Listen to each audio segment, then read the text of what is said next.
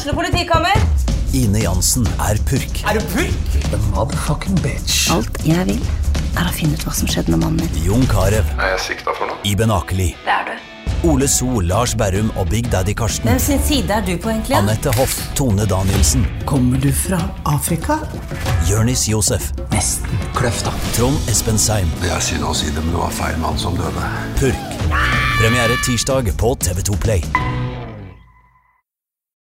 Hei, og velkommen til en ny episode av Debrif med Dag Sørås. Spennende tider, mine damer og herrer, og alt midt imellom. Jeg venter på en pakke fra Post Nord. Altså, hvorfor i Jesu jævla navn noen eh, Jeg mener, hvor, hvor mye billigere er Post Nord enn en konkurrentene?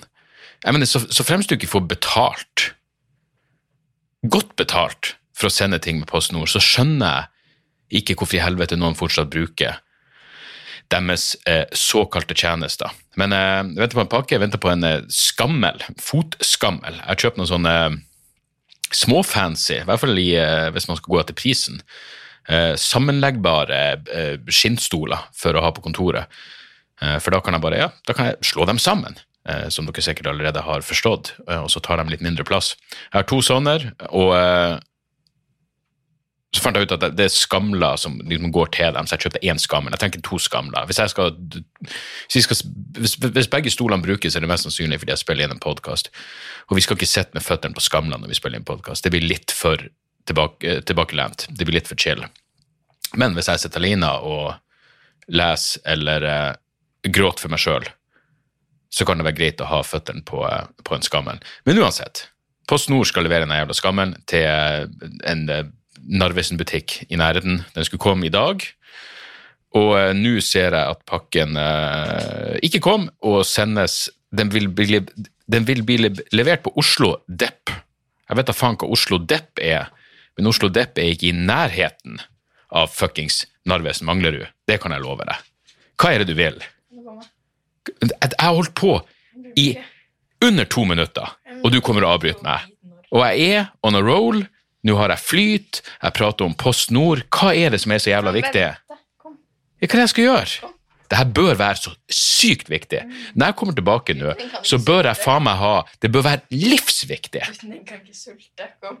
Gutten din kan ikke sulte. Jeg har akkurat fuckings gitt deg mat. Helvete. Ja, der var vi igjen.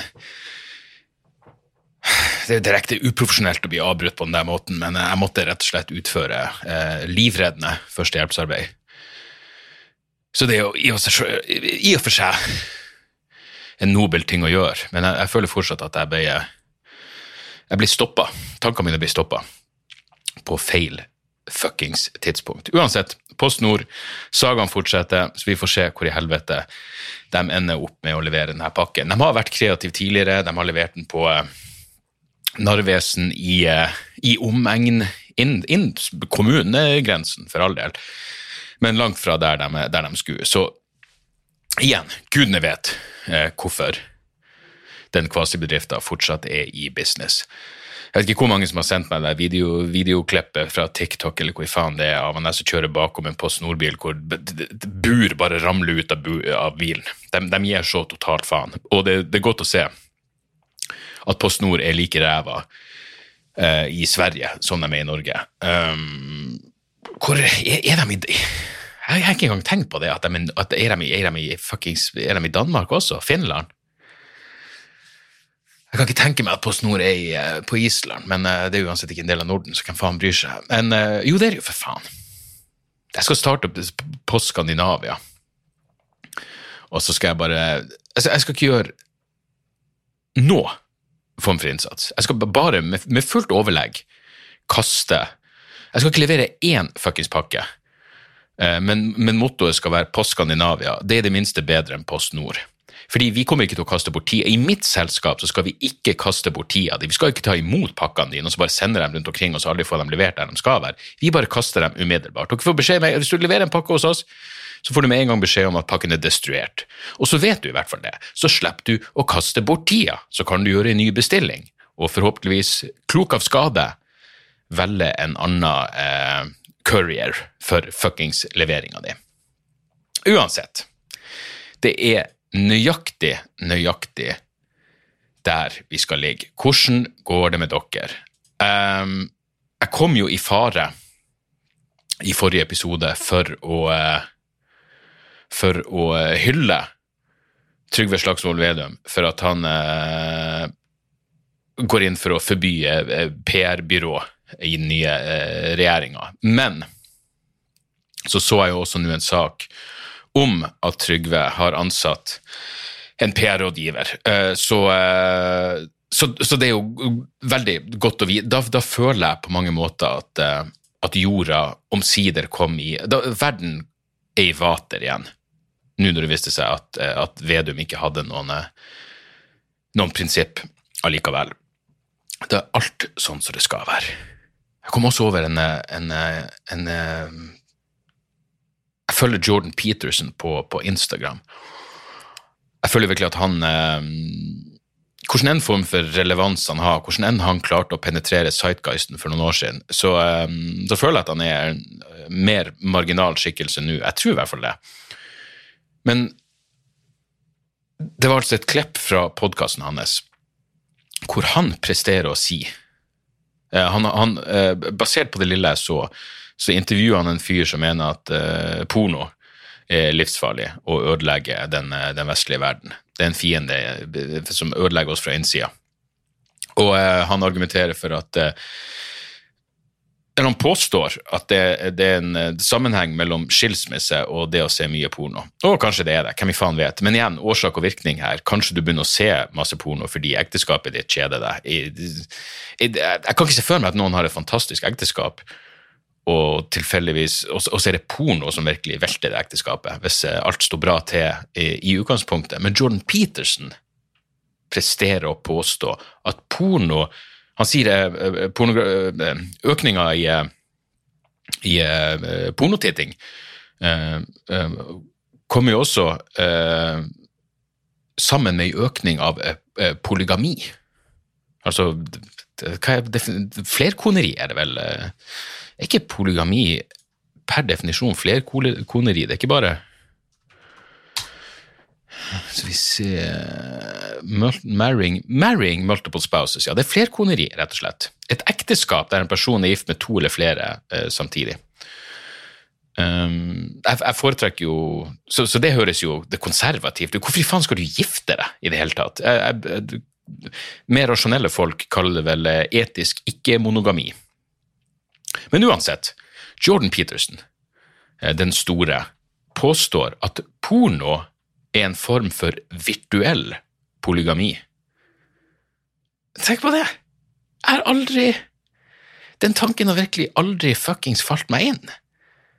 Jeg mener, hvis porno er virtuell polygami, så sier han jo at runking er utroskap. Og det er jo faen meg en, eh, en for, altså, mener, ikke, ikke, bare er det en, form for faen meg puritansk kristenkonservatisme. Selv, selv kristne folk vil jo himle med øynene. Selv reaksjonære kristne, selv Jehovas vitner vil jo himle med øynene over tanken på at runking er utroskap. Kanskje de ikke vil, jeg lurer på om dr. Phil sa det en gang i tida. Men uansett, Jordan Peterson, den store intellektuelle, sier at porno er virtuell polygami. Jeg mener, hvordan i helvetes Jesu jævla navn går det an å ta noe av det denne jævla skapningen sier, seriøst. Jeg aner ikke hvordan jeg på noe tidspunkt fant det der mennesket eh, fascinerende. Men, eh, men det kunne man jo sagt om, om, eh, om ganske mye. Det har også spredd, spredd seg nå det, det klippet av um, Rogan hadde um, Hva heter Sanjay Gupt, Guptka? Guptka? Sanjay Sanjay Gupt, Guptka, tror jeg det er. Sanjay Gupta. Ganske kult navn. Sanjay Gupta. Um, på podkasten. Også, også uh, for uh, Godeste Sanjay jobber visst for CNN, og CNN sa uh, at når Rogan tok Ivermectin etter at han fikk covid-19, så sa de at Rogan tok en, en hestemedisin.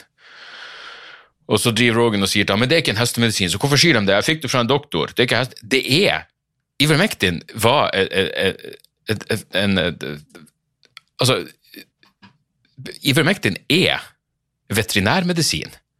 Det brukes også for mennesker, men mot parasitter. Og så vidt jeg vet, så er ikke Covid-19 er et, et, virus, ikke en parasitt. Så, så, jeg kan på en måte se poenget, og jeg skjønner jo at, at, CNN er litt sånn De er nedlatende når de kaller det uh, hestemedisin, men det er jo fortsatt sant. Eh, og skal ikke Rogan skal han være så jævla selvhøytidelig at han ikke skal Han vet jo hva som foregår der. Um, og så presterer han også å si til han godeste Sanjay Han blir, han blir pressa litt på, uh, på sitt syn på vaksine. Uh, og han sier bare ja, men gamle folk og feite folk burde vaksineres. Jeg mener, det her er altså uh, Igjen, når, når, du har de holdningene, uh, og du sprer vaksine, Jeg mener ren jævla vaksineskepsis. Så, så, så, fortjener du at de, de, de, kaller det hestemedisin når det faktisk er veterinærmedisin. Mot parasitter, ikke mot, mot, jævla, mot et jævla, jævla virus. Så og, og, og, når han blir spurt altså, altså, I den samme episoden så sier Rogan at han, er, han er mest, mest, skeptisk for at unger skal få vaksiner, for jeg vet ikke hva langtidskonsekvensene er. Hvordan vaksine har man noen, noen gang ned til ungene hvor man visste hva langtidskonsekvensene var i utgangspunktet? Tanken er vel flokkimmunitet og eh, Og jeg, jeg, sier ikke at det er en no-brainer å, å vaksinere unger, absolutt ikke. Men nå å plutselig snu det rundt og si at nei, men altså, jeg bare tenker på ungene, det gjør du aldeles ikke. Du har sagt at du ikke trenger vaksiner fordi du er så jævla god form, du har så store muskler, ikke sant? Du, du har jo faen meg kettlebells med bilder av sjimpanser på, hvorfor i helvete skulle du trenge vaksine, ikke sant? Det er jo aldri noen veltrente mennesker som har dødd av covid-19, ikke sant? Utenom selvfølgelig noen tusen her og der. Men så jeg, jeg, jeg jeg minner om at jeg fortsatt er litt ambivalent. Det, det føles litt uærlig av CNN å si hestemedisin når det ikke er bare det. Um, man skjønner jo hva de gjør. Jo mer jeg tenker på det, så skjønner jeg egentlig poenget også. Uh, du er en nyhetsorganisasjon. Uh, du har ei veldig krass vinkling på det når du, når du skriver hestemedisin. På den andre sida er det her en person som med fullt overlegg sprer uh, misinformasjon om, om covid eh, og vaksiner. Um, og det at han tar Ivermectin, burde jo, han burde jo latterliggjøres uh, over en lav Hver sjanse han får. Han burde for alltid Og at han sier det med stolthet, er jo helt forbanna utrolig. For igjen, jeg er ikke den typen som setter meg Det er ingenting Diskusjonen er ferdig.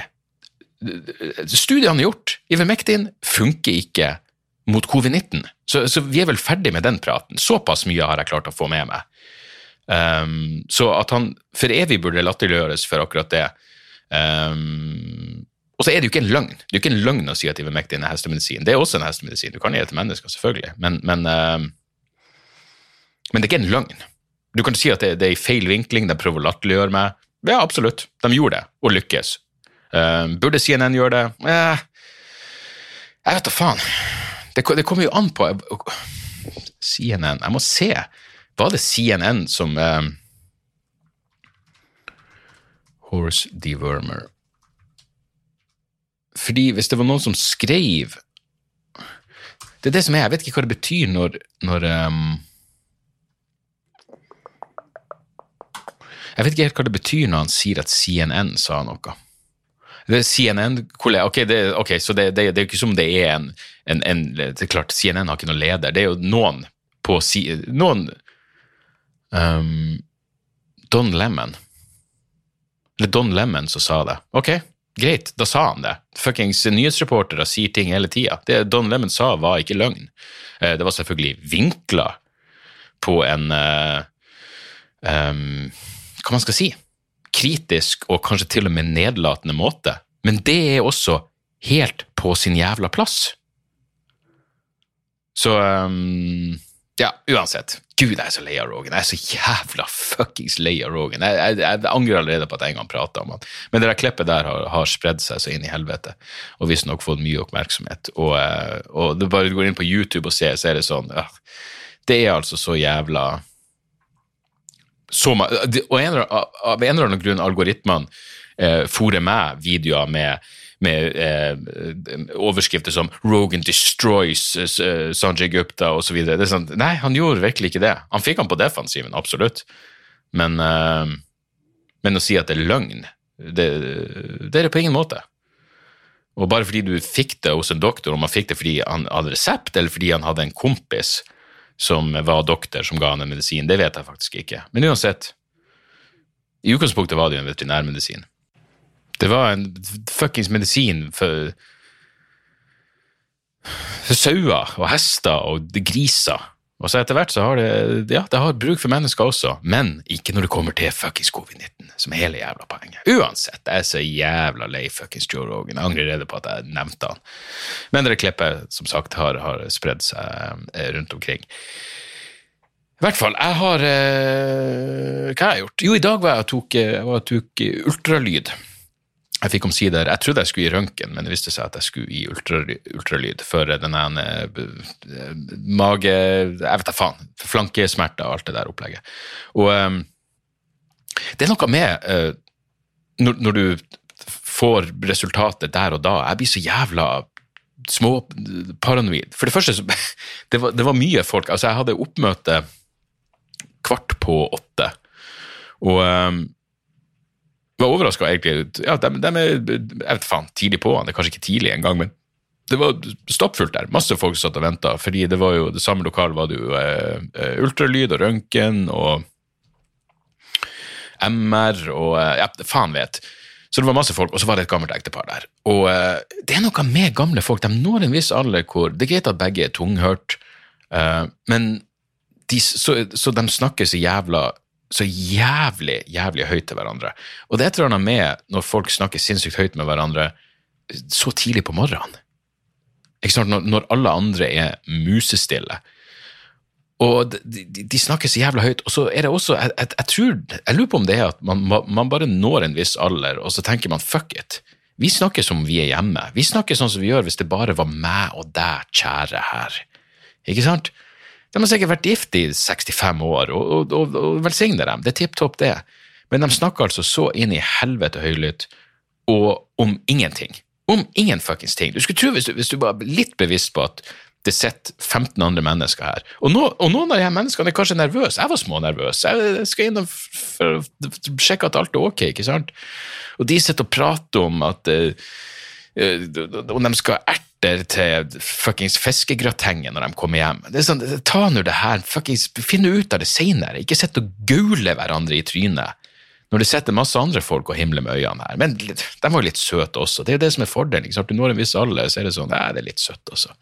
De er nå småsøte der de sitter. La dem bare være. Um, og så hadde du selvfølgelig en viss, en viss, dog høyst begrensa underholdningsverdi. Og, eh, men han, han, han eh, da, det var kjerringa som da skulle inn på røntgen, og det var åpenbart at han Kan Hva man kalle det? Røntgenlegen. Hvem enn som skulle ta den jævla testen, eller ta de jævla bildene av henne. Hvem enn som skulle sjekke ut innsiden hennes. Sjekke ut skjelettstrukturen på den gamle kjerringa. Han var så jævla utålmodig, fordi bare hun så jeg sitter jo i gangen rett ved siden av der hun skal gå inn. Så hun går inn, og så begynner hun bare å snakke, men uten å lukke igjen døra. Og han er sånn Ja, du kan bare ta og lukke igjen døra bak deg nå. Bare gjør det. Bare lukk igjen døra bak deg. Jeg tenkte sånn Åh, du er på grensa til uhøflig nå, din jævel. Du er akkurat på grensa til uhøflig. Det er greit at kjerringa er irriterende, hun snakker altfor høyt, hun hører dårlig, alt det der, men Satan. Det, det, her er sikkert hans første pasient, vil jeg tro, denne morgenen. Det, han, han, er tilgitt hvis det var dagens siste, men det er ingen som avslutter vakta med å ta et røntgenbilde klokka åtte. Jeg vil tro du går hjem klokka seks hvis du har nattevakt. Jeg tror ikke de har nattevakt der uansett. Så, um, så han var jævlig uh, Han var relativt ufin. Og det var, nesten, det var, nesten, en del av meg som skulle ønske at jeg skulle inn der. Og uh, bare fordi jeg, jeg, kan takle en uhøflig faen. Men uh, jeg ble sendt inn til noen andre, og først var det ei relativt ung dame. og jeg, som sagt, jeg trodde jeg skulle på røntgen, og så sier hun bare 'legg det her', så jeg bare 'skal jeg kle av meg'? Og så sa hun nei, du kan kneppe, du kan bare dra opp genseren, og så kan du kneppe opp buksa. Og det sier uh, Ja, hva sier det egentlig? Det sier noe om, uh, om hvor tankene mine var. Det, det, det var ikke én skitten tanke som falt inn i, i, hodet mitt i et halvt sekund en gang, når ei eh, relativt tiltrekkende, jeg vil anslå 24 år gammel eh, 24 år gammel kvinnemenneske sier til meg bare knepp opp buksa legg deg bak. Gjorde ingenting for meg. Så hun la nå til deg harddukene, og det der skjønner jeg liksom, ja, det her er jo faen meg en, eh, en ultralyd. Og her er greia, når, når du får en ultralyd, så de sitter jo og ser der og da, selvfølgelig. Og eh, jeg, blir så, jeg, jeg blir paranoid når, når de ikke sier noe. Så hun bare fikser meg til, og, og så kommer liksom legen inn. Da kommer han, Hans Høyhet kommer eh, rullende inn. Og så begynner han å sjekke, og han var hyggelig, han, det var ikke noe problem med han, men uh, han begynner å sjekke litt rundt, og så og så Jeg hører at han tar Jeg hører liksom at han tar bilder. Uh, mens, eller at han tar jeg vet faen, en screenshot. Gudene vet hva han gjør, men jeg hører i hvert fall at det blir tatt et bilde. Jeg har tatt et par ultralyder før. Så, og han sier ingenting. Og jeg blir bare sånn en gang jeg, bare, jeg blir sånn, faen, kan, kan, du ikke bare si fra med en gang? Si, si om det ser greit ut. Um, bare, bare, få det ut med en jævla gang. Så det første han sa, var at ja, galleblæra di ser uh, Så elsker du den pausen. Galleblæra di ser uh, helt fin ut. Og jeg bare Jeg skulle ønske du åpna med det. Jeg skulle ønske du sa den setninga som fuckings Yoda. Helt fin ut, ser galleblæra di. Snakk som Yoda når du gjør ultralyd. Uh, så han sjekka eh, galleblæra, og så han sjekka levra, og den så også fin ut, og da fikk jeg en ekstra sånn fuck yeah. Jeg tror jeg til og med sa fuck yeah uh, for meg sjøl der jeg lå. Og alt var, alt var helt fint. Og så er det nesten som, siden det ikke var noe åpenbart galt, så føler jeg nesten at jeg, at jeg må forsvare at jeg var der. Så jeg bare satte meg opp, og så sier jeg sånn Altså Det er ubehaget jeg føler, kan det være stressrelatert, for jeg har ganske mye greier som foregår i livet mitt nå. Det er en stressende periode, og det, det er ditt og det datt. Og, og han ble sånn Ja, selvfølgelig kan det være det. Og når han sa det, så sa han det på en måte som Det var liksom Jeg hadde Jeg vil ikke si jeg åpna meg opp, men jeg nevnte et par konkrete ting som stressa meg, og han hadde overhodet ingen form for interesse av å høre det i det hele tatt. Og jeg skjønner han. For all del, jeg skjønner han. Jeg vet ikke engang hvorfor. Jeg tror bare jeg var på defensiven. ikke sant? Altså, så ja, det, det, er liksom hvis du blir Jeg vet da faen, alle har vært i en situasjon hvor du blir tatt i å gjøre noe, noe faenskap eller noe, så prøver du å du skal si liksom, ja, sorry, men så prøver du liksom å, å, være så jævla hyggelig og prate litt ekstra, og du er ikke helt deg sjøl. Det, føltes sånn, som, som jeg må unnskylde det faktum at det ikke var noe fuckings galt med meg. Uh, men uh, men uansett, amen for det. Eh, veldig glad og fornøyd. Eh, så da, da, regner jeg med at ja, hva enn det er, så er det Jeg, jeg, jeg er frisk. Det er vel det jeg må ha lov å, å konkludere med på dette tidspunktet.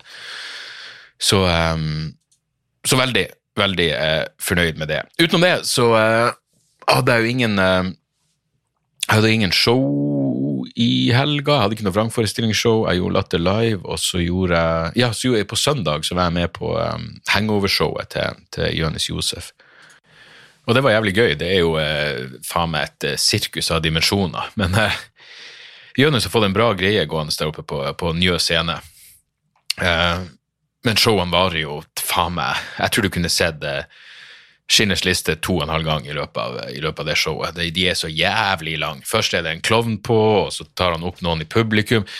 Det var sånn Da jeg kom, så fikk jeg sånn som Du kan gå på først hvis du vil. Jeg bare nei, sett meg på sist for pause. Perfekt. Så han bare ok, da er du nummer tre. Så jeg bare nummer tre, det er greit.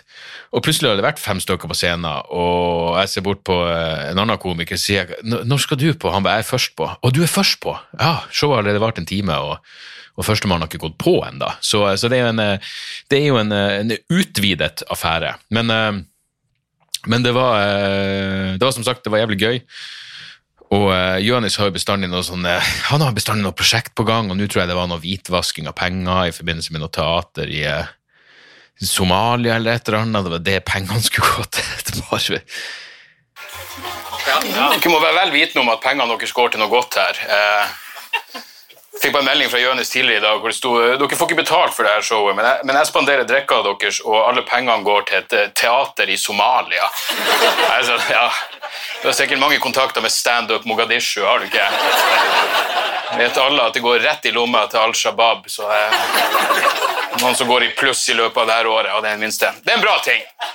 Det er godt å høre. Eh, men Jonis er en gammel fyr. Jeg faktisk elsker han. han har, det var en av de, jeg, jeg, jeg, tror jeg har vært hjemme hos han et par ganger. Og En gang våkna jeg opp. Jeg, var, jeg hadde ingen minner av dagen før. visste ikke hvor jeg hadde vært henne.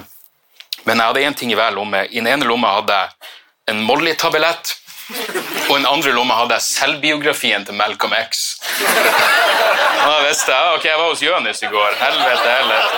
Og han var på den spandable sida. Så ja, uansett. Det var, noe, det var gøy, og så fikk jeg testa ut en eh, eh, Hovedårsaken til at jeg hadde lyst til å gjøre det der showet, var at jeg hadde lyst til å prøve ut en greie om eh, om eh, Kongsberg og alt det faenskapet der. Så jeg er litt usikker på hvordan det kom til å funke, men eh, det funka såpass bra at jeg, jeg, tar nok det med meg videre og gjør det i, i vrangforestilling. Det er, ikke, det er ikke noe vits i å spare på pil og bue-vitser. Eh, det føles som det er nå de er aktuelle. Jeg prata med noen som med manageren min, han sa at det, det, var en, det, var en, dansk film som skulle, egentlig skulle ha kinopremiere nå i helga, og som eh, ja, forståelig nok ble utsatt, fordi filmen handler visstnok ikke bare om en, eh, en fyr som klikker og får skyte folk med pil og bue, men han gjør det i Norge. Den danske filmen foregår i Norge, og det er jo wow. Da tenkte jeg Jesus Christ, for uh, ja, hvis, det, hvis, Kongsberg var liksom et forsøk på PR-strategi, så var det jo høyst mislykka. Men, uh, men i hvert fall Så jeg, jeg fikk nå testa ut det, og ellers var det Kevin Kildahl sto og ja, det var, det var good times, og så havna vi faen meg utpå etterpå. Helvete heller. Komme hjem i halv fire-tida på natt til mandag, da, da, vet du at du ikke har en eh, Da vet du at du ikke har en, en vanlig jobb. Så eh, så ja, så det var, eh, det var fint, det. Til helga skal jeg jo til Ålesund og Ulsteinvik. Det er visst få billetter igjen i Ålesund, og hva enn det mange billetter igjen i Ulsteinvik. Det viser seg vel å være et eh, ja, et eksperiment som ikke nødvendigvis vil bli eh, gjentatt med det første. Men jeg skal nå gjøre showet, og jeg har gode minner fra Ulsteinvik. Ja, det var liksom en plass hvor En, en av de første plassene jeg dro, tror jeg liksom var headliner, og uh, jeg faktisk dro og gjorde eget show. Så Men det er jo visstnok Jeg visste ikke at det var så nært Volda, og jeg var jo i Volda på prøveshowturneen. Gud, jeg vet. Det, det blir nå sånn som det blir. Men jeg gleder meg nå. Jeg, jeg, skal nå gjøre showet. Jeg skal, skal nå gjøre jobben min. Uh, og, uh, og, terminalen i Ålesund er jo alltid ei, ei fryd. Uh, jeg tror også det er nær, veldig nært utsolgt i Rognan neste fredag. Og det fylles, det, fylles, opp bra i Storsalen i, i, i Bodø. Så jeg tror det også kommer til å bli helt så jævla knall.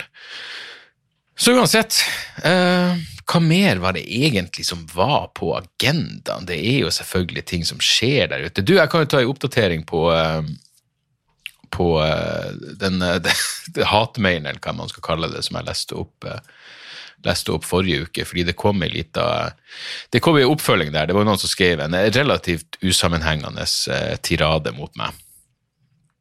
Og så kom det faktisk Skal vi se hvor det var denne fyren sendte den mailen. Det var til den kontoen, ja. Um, mm, mm, mm. mm. Det var også noen som påpekte at når jeg, når jeg sa at Chapelle kalte seg God of all things Jeg trodde Goat var God of all things, men det er jo selvfølgelig Greatest of all time. og uh, hakket mindre narsissistisk, men fortsatt ganske flaut når du omtaler deg sjøl som det. Uh, men i hvert fall, jeg, jeg fikk den hatmailen, og så prata han det på podkasten, og så fikk jeg en oppklaring hvor det sto uh, Hei, Dag, jeg velger å sende en melding her da du tydeligvis får den opp da du tydeligvis får den opp på telefonen. Først må jeg virkelig be deg om unnskyldning for min uspiselige oppførsel, dette fortjente du virkelig ikke. Uh, bla, bla, bla. Overraskende hva stor jeg hørte dagens podkast. Det var som et slag i magen. Jeg ble uvel, men det fikk meg også til å innse at jeg har fornekta et problem det siste året som jeg absolutt må ta tak i, nemlig alkoholen. Takk for at du beskytta meg mot meg selv og holdt mitt navn anonymt. Vel, nå har jeg tenkt å komme ut med navnet Nei da. Uh, takk for at du leste opp min ufordragelige oppførsel i plenum, uh, bla, bla, bla. Og så skriver han om noen som fortjener en blomst på døra, er det deg. Takk for at du er der. Vel, Håper jeg fortsatt får være anonym. Selvfølgelig. Eh, null stress. Jeg må si det svaret kom, eh, kom overraskende på, også fordi det nå er relativt eh, velformulert. Så, eh, så, det var greit. Jeg prøvde å svare han, men fordi jeg prøvde å svare jeg får jo det her opp i, i, Det er tydeligvis sendt fra en mobiltelefon, så jeg får opp mobilnummeret, men jeg prøvde å svare på, på den via mailen svare direkte på det i mail-appen, så gikk ikke det. Eh, Og jeg har ikke tenkt å, ikke tenkt å sende ei tekstmelding eh, med mitt nummer. Men, eh, men uansett, null stress, kompis. Og jeg håper du får, får hjelp du måtte trenge med, med alkoholgreier. Det det var ikke noe stress i utgangspunktet engang. Jeg syntes bare det var litt lettere, lettere uforståelig. Så ble jeg også kontakta av en psykolog som jobber med eh, det der dissociative identity disorder. Jeg går ut fra det Jeg går ut ifra det er disassosiativ personlighetsforstyrrelse, tipper jeg det heter. Hvis jeg Disassosiativ, identitetsforstyrrelse, forkorta DID. Og det, det, DID på norsk også. Uansett, jeg ble kontakta av en, eh, en som jobber med det, som sa at eh, Fordi jeg ga vel uttrykk for at jeg er skeptisk til hele diagnoser. Og han skrev at jeg måtte gjerne slå på til han, eller vi kunne ta en Zoom-samtale hvor han kunne forklare mer om det. Og da sa jeg at eh, ja, kanskje vi kunne gjort det til, til podkasten, og så hadde han plutselig noen tips på noen som hadde ytterligere ekspertise på området. Så, så vi får se. Det hadde vært, eh, det hadde vært interessant å, å lært mer om, for det er jo eh, Ja, eh, det, det, det er jo en diagnose som, som, er, som har hovedrollen i den dokumentaren eh, 24 Faces of uh, Hva faen var han heter? Billy Milligan, eller noe sånt, tror jeg. 24 Faces of Netflix. Jeg tror det var Billy Milligan. Ting går jo faen meg 24 Faces of Billy Milligan. Jeg ser, ser det. Nå klarer jeg å huske, men helvete, det er mye ting jeg bare glemmer. Så jeg, I morges så satt jeg og eh, Jeg måtte jo av gårde så jævla tidlig på den ultralyden. Og det var så miserabelt å gå ut, fordi eh, jeg måtte ta Morty en en snartur ut. Og det var altså selvfølgelig bekmørkt. Klokka var jo halv sju på morgenen. Og regnsne og fuckings iskaldt. Og takk Gud for at Morty Dog hater det der været enda mer enn meg. Han er så sykt effektiv. Jeg pisser, jeg driter ferdig inn. Han klarer å få det unnagjort på pff, maks 75 sekunder. Og det står det virkelig, virkelig respekt av. Men da jeg kom hjem igjen, så satt jeg meg ned og skulle lese aviser, og så sitter jeg og leser en relativt langt innlegg i Klassekampen om, eh, om eh, hva erstatter Gud nå når kristendommen er død i den vestlige verden. Og jeg satt og leste hele greia helt stille og rolig rundt meg, jeg følger med, og når jeg var ferdig, så tenkte jeg, hvis, hvis noen spurte meg hva du akkurat har lest, jeg hadde slitt. Jeg husker at Nietzsche ble nevnt, Jeg husker at det var en eller annen idé om at ideen menneskeverd er mer diffus når man ikke har religiøs forankring, som egentlig jeg syns er en absurd påstand, men, men det, var, det var sikkert en god artikkel, men jeg, bare, jeg husker ingen Det er sånn hva, hva er det som foregår, altså? Jeg, har jeg en virkelig Jeg må konsentrere meg om å konsentrere meg, rett og slett. På samme måte så hørte jeg i dag eh, eh, Sam Harris hadde en, en jævlig interessant eh, episode på podkasten sin som heter The Paradox of Death. Um, som dere virkelig burde, burde høre. Og, og mens jeg hørte på den, så tenkte jeg faen, det her er en interessant idé. Samtidig så er jeg fortsatt Jeg sliter med å gjenfortelle hva argumentet egentlig var, men det var liksom den ideen om at eh, at bevissthet kan, jeg mener, Når jeg tenker på døden, så tenker jeg at lyset slås av. ikke sant? På samme måte som lyset kommer på når du blir bevisst, så, så slås lyset av når du dør, og hjernen din slutter å fungere. Men her var liksom en sånn idé om at bevissthet er noe mer Hva faen er ordet? Evigvarende og flytende, så vi bare hekter oss på med vår egen subjektive eh, opplevelse, og, og vi lever jeg mener, Så lenge vi eksisterer, så er vi selvfølgelig bevisst, men, men, men døden er ikke en del av, av vår eksistens. Det er, en, det er en separat Altså på samme måte som det å ikke være født er ikke en del av vår eksistens, så er, så er ikke døden eh, den endelige det, det er liksom ikke slutten på altså, det, det er en separat greie. Og det føles nesten som man prater om um, det, nesten, det fikk meg til å tenke litt på den eh, eh, Erik Jung sin idé om det, det kollektivt underbevisste. Um, fordi så Han nevner et sånt tankeeksperiment hvor han, han tenker ok, så, så det som gjør at vi føler at vi er den vi er gjennom hele livet, at vi har en, vi har en kontinuitet i bevisstheten vår som bare, som bare eh, Det tas en pause når vi sover, men vi våkner opp med liksom, minner, eh, eller hvis du er under eh, bedøvelse, at du blir slått ut av det, så er det selvfølgelig et brudd i din bevissthetstilstand. Men, men i det store og hele så, så våkner du opp, og, og, livet fortsetter. Men sånn som hvis jeg tenker tilbake på meg som 18 år gammel, så føles ikke det som meg. Jeg vet jo at det, det er meg, fordi jeg hadde den her eh, kontinuerlige eh, bevissthetsopplevelsen. Eh, men tankeeksperimentet er liksom, hvis, hvis, du bare tok deg som person og forandra gradvis eh, f.eks. minnene dine av hva du spiste til frokost. Du spiste egg til frokost, men så, så gjør vi jo minnet at du spiste eh, frokostblanding. Og så starter du det små, og så forandrer du bare mer og mer av deg som person. Jeg går ut fra at du skal forandre fysiologien, gudene vet, men på et eller annet tidspunkt um, Hvor mye skal du forandre før du tenker den personen vi starta med opprinnelig, er nå død og erstatta av en annen person? Um, men poenget er jo at du vil ha den kontinuerlige bevissthetsfølelsen som, som, som vi har nå. Og jeg lurer på om man på et tidspunkt insinuerer eller sier rett ut at, at, at bevisstheten fortsetter å eksistere etter at vi er døde, men vi har ikke noe Vi har ingen eh, vi har ingen Den opplevelsen er over. Den, vår subjektive opplevelse av bevissthet er over når vi dør. Uh, Jesu navn, gir det her noe fuckings form for mening? Er ikke den fjerneste anelse?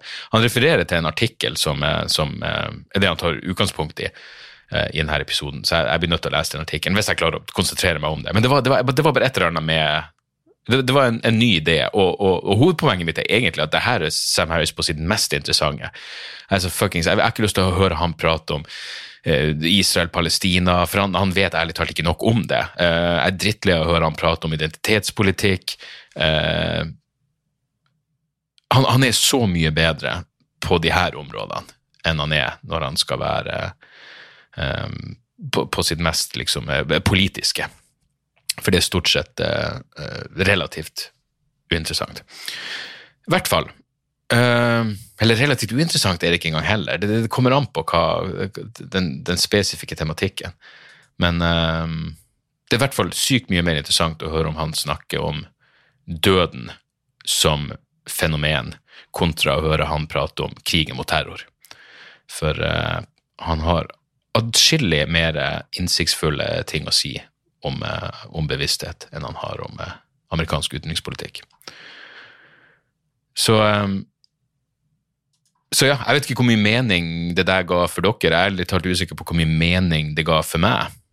Og jeg vet heller ikke hvor mye trøst det egentlig er i ideen om at, uh, at, det, at det er irrasjonelt å være redd for døden fordi bevissthet fortsetter å eksistere, selv om din subjektive opplevelse av, av bevissthet er, er over i det øyeblikket du forlater dette livet.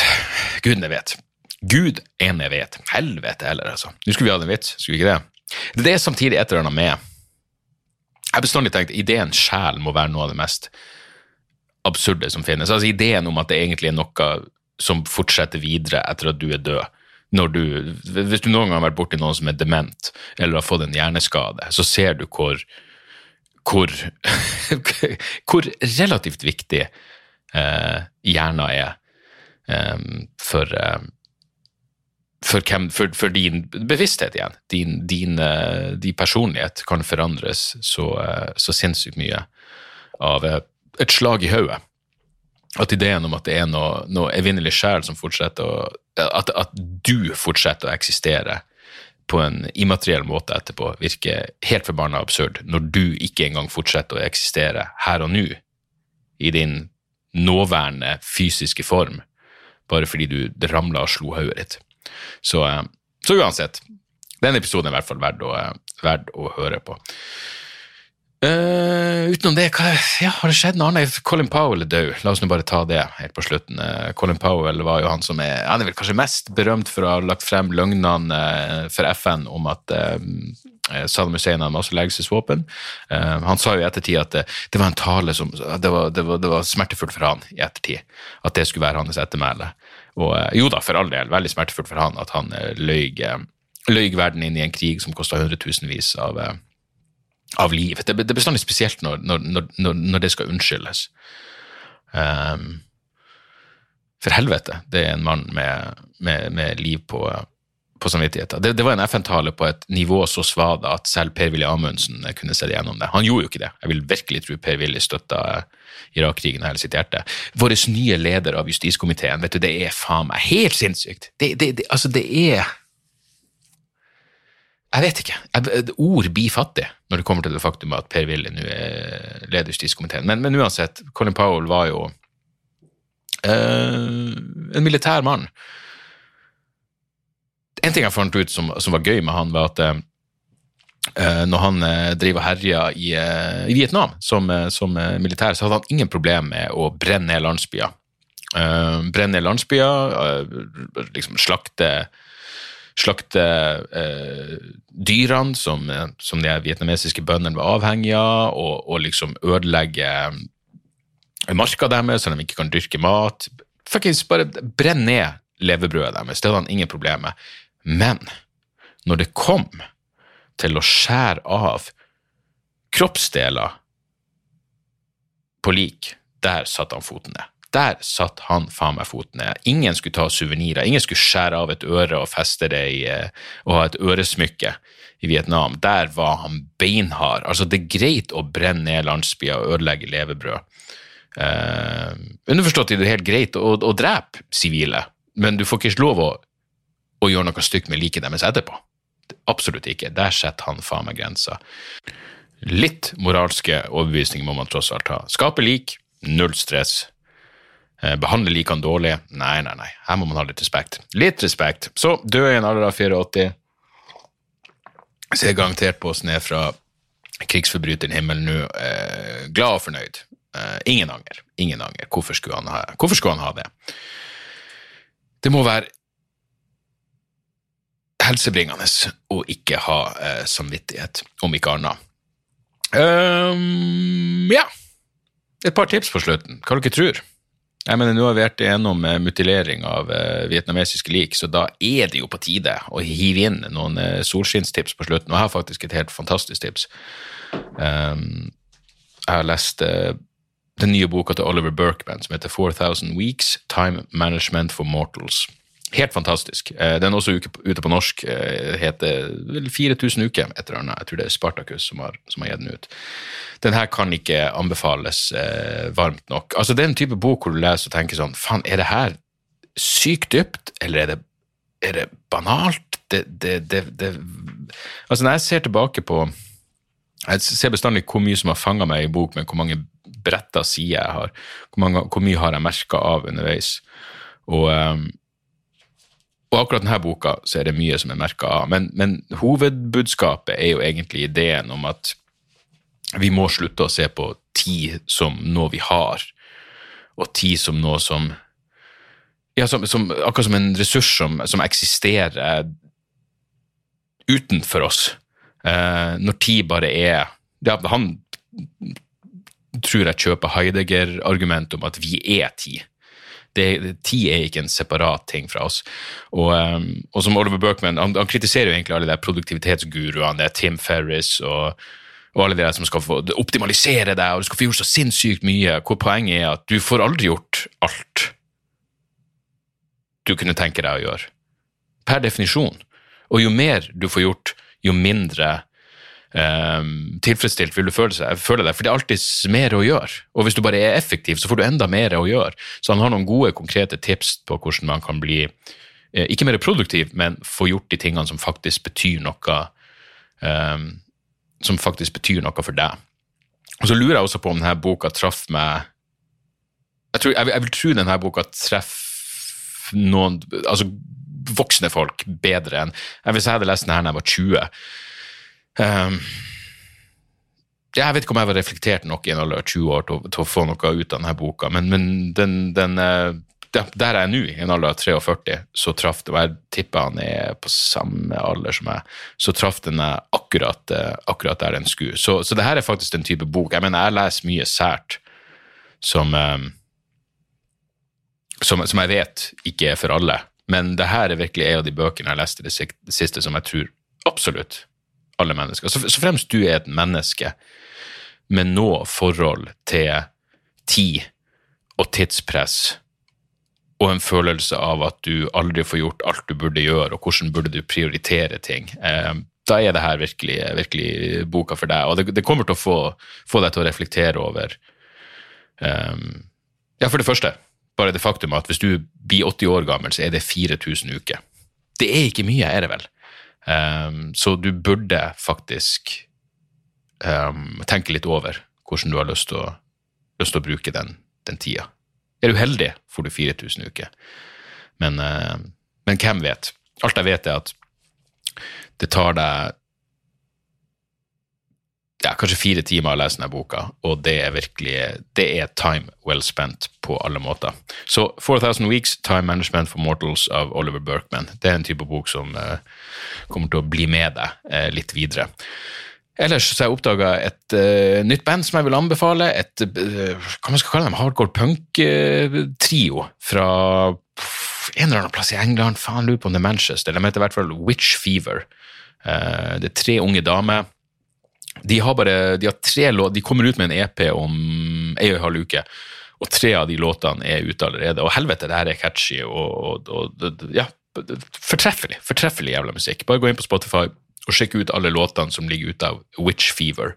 Um, det er tre låter som kommer på den nye EP-en, og så er det et par låter som er gitt ut tidligere. Men det er, uff, det, det, det er noe med det er catchy, og, og det, det, treffer deg akkurat der det skal, og så er det bare Det er noe, det er noe det finnes ikke noe godt ord på det på norsk, men det, det har attitude, rett og slett. Og ehm, ja, jeg tror de kommer til å bli, de til å bli store. Og så vil jeg tipse om en podkast i forbindelse med at uh, en av tidenes beste serier, Succession, nå har starta opp med sesong tre. Uh, jeg har ikke sett første episode av sesong tre ennå, fordi jeg driver og ser de to første sesongene om igjen. Helvete, det er så bra. Det er topp tre av mine favorittserier gjennom tidene. Ja, det tror jeg ganske sikkert jeg kan si med sikkerhet. Men i hvert fall, det finnes en offisiell Succession-podkast som HBO gir ut, som har starta opp med en ny sesong, og det er Cara Swisher fra den, eh, hva heter Decode-podkasten. Jeg har ikke hørt på den, men Slate Money sin uh, Hvis du går inn på Slate Money og så bare slår inn uh, success, success, success, Slate Money Succession, så har de en episode etter hver episode. Og det er så mye fun facts og så mye intelligent analyse av de episodene at uh, jeg blir veldig overraska hvis HBO sin offisielle podkast er bedre enn Slate Money sin. Det tror jeg virkelig ikke, men uh, jeg skal sjekke ut den offisielle også, selvfølgelig, for helvete hvor bra den jævla serien er. I tillegg så har den selvfølgelig objektivt sett den beste uh, tittellåten gjennom TV-seriens historie. Så, eh, så, der har dere det. Eh, Ålesund og eh, Ulsteinvik til helga. Dagsoras.com for resten av eh, turnédatoene og patrion.com slash dagsoras for bonusmateriale. Så der, så. Vi høres snart igjen. Tjo og hei! Moderne media. Da er det reklametid, og ukens annonsør er fiken. Hør her, jeg, jeg, jeg avskyr ordet regnskap. Ordet regnskap eh, gir meg assosiasjoner som er uhyggelige. Det får meg til å tenke på andre uhyggelige ord som ettersyn og underlivsundersøkelse. Men regnskap er et nødvendig onde, og fiken er et så enkelt regnskapsprogram at selv jeg kan klare å ha kontroll på finansene hvis jeg bruker det. Eh, du kan registrere kjøpene dine bare med å ta et bilde av kvitteringa med appen, og så kan du bare hive, hive kvitteringen. Hvor nydelig kan det bli? Og Fiken forholder seg også til regnskap med overkommelige ord. Det er ikke masse overkomplisert økonomisk terminologi. De kaller det kjøp og salg i stedet for hva enn de kaller det på BI. Og du kan, eh, du kan få fiken til å sende purringen dine, sånn at du slipper å gjøre det sjøl. Slipper du de flaue øyeblikkene hvor du må skrive 'unnskyld meg, men det står noe utestående her, kan du fikse det fortest mulig', eller må jeg sende, sende mafiaen etter deg? Nei, fiken fikser det så kan du skylde på algoritmene. Du slipper dårlig stemning. Jeg syns det er utrolig greit å slippe å styre med sånne ting sjøl, og nå kan du prøve fiken gratis i 30 dager. Hva, hva har du å tape? Bokstavelig talt ingen verdens ting. Så gå inn på fiken.no og prøv fiken gratis i 30 dager. Ok? Det var det så vanskelig.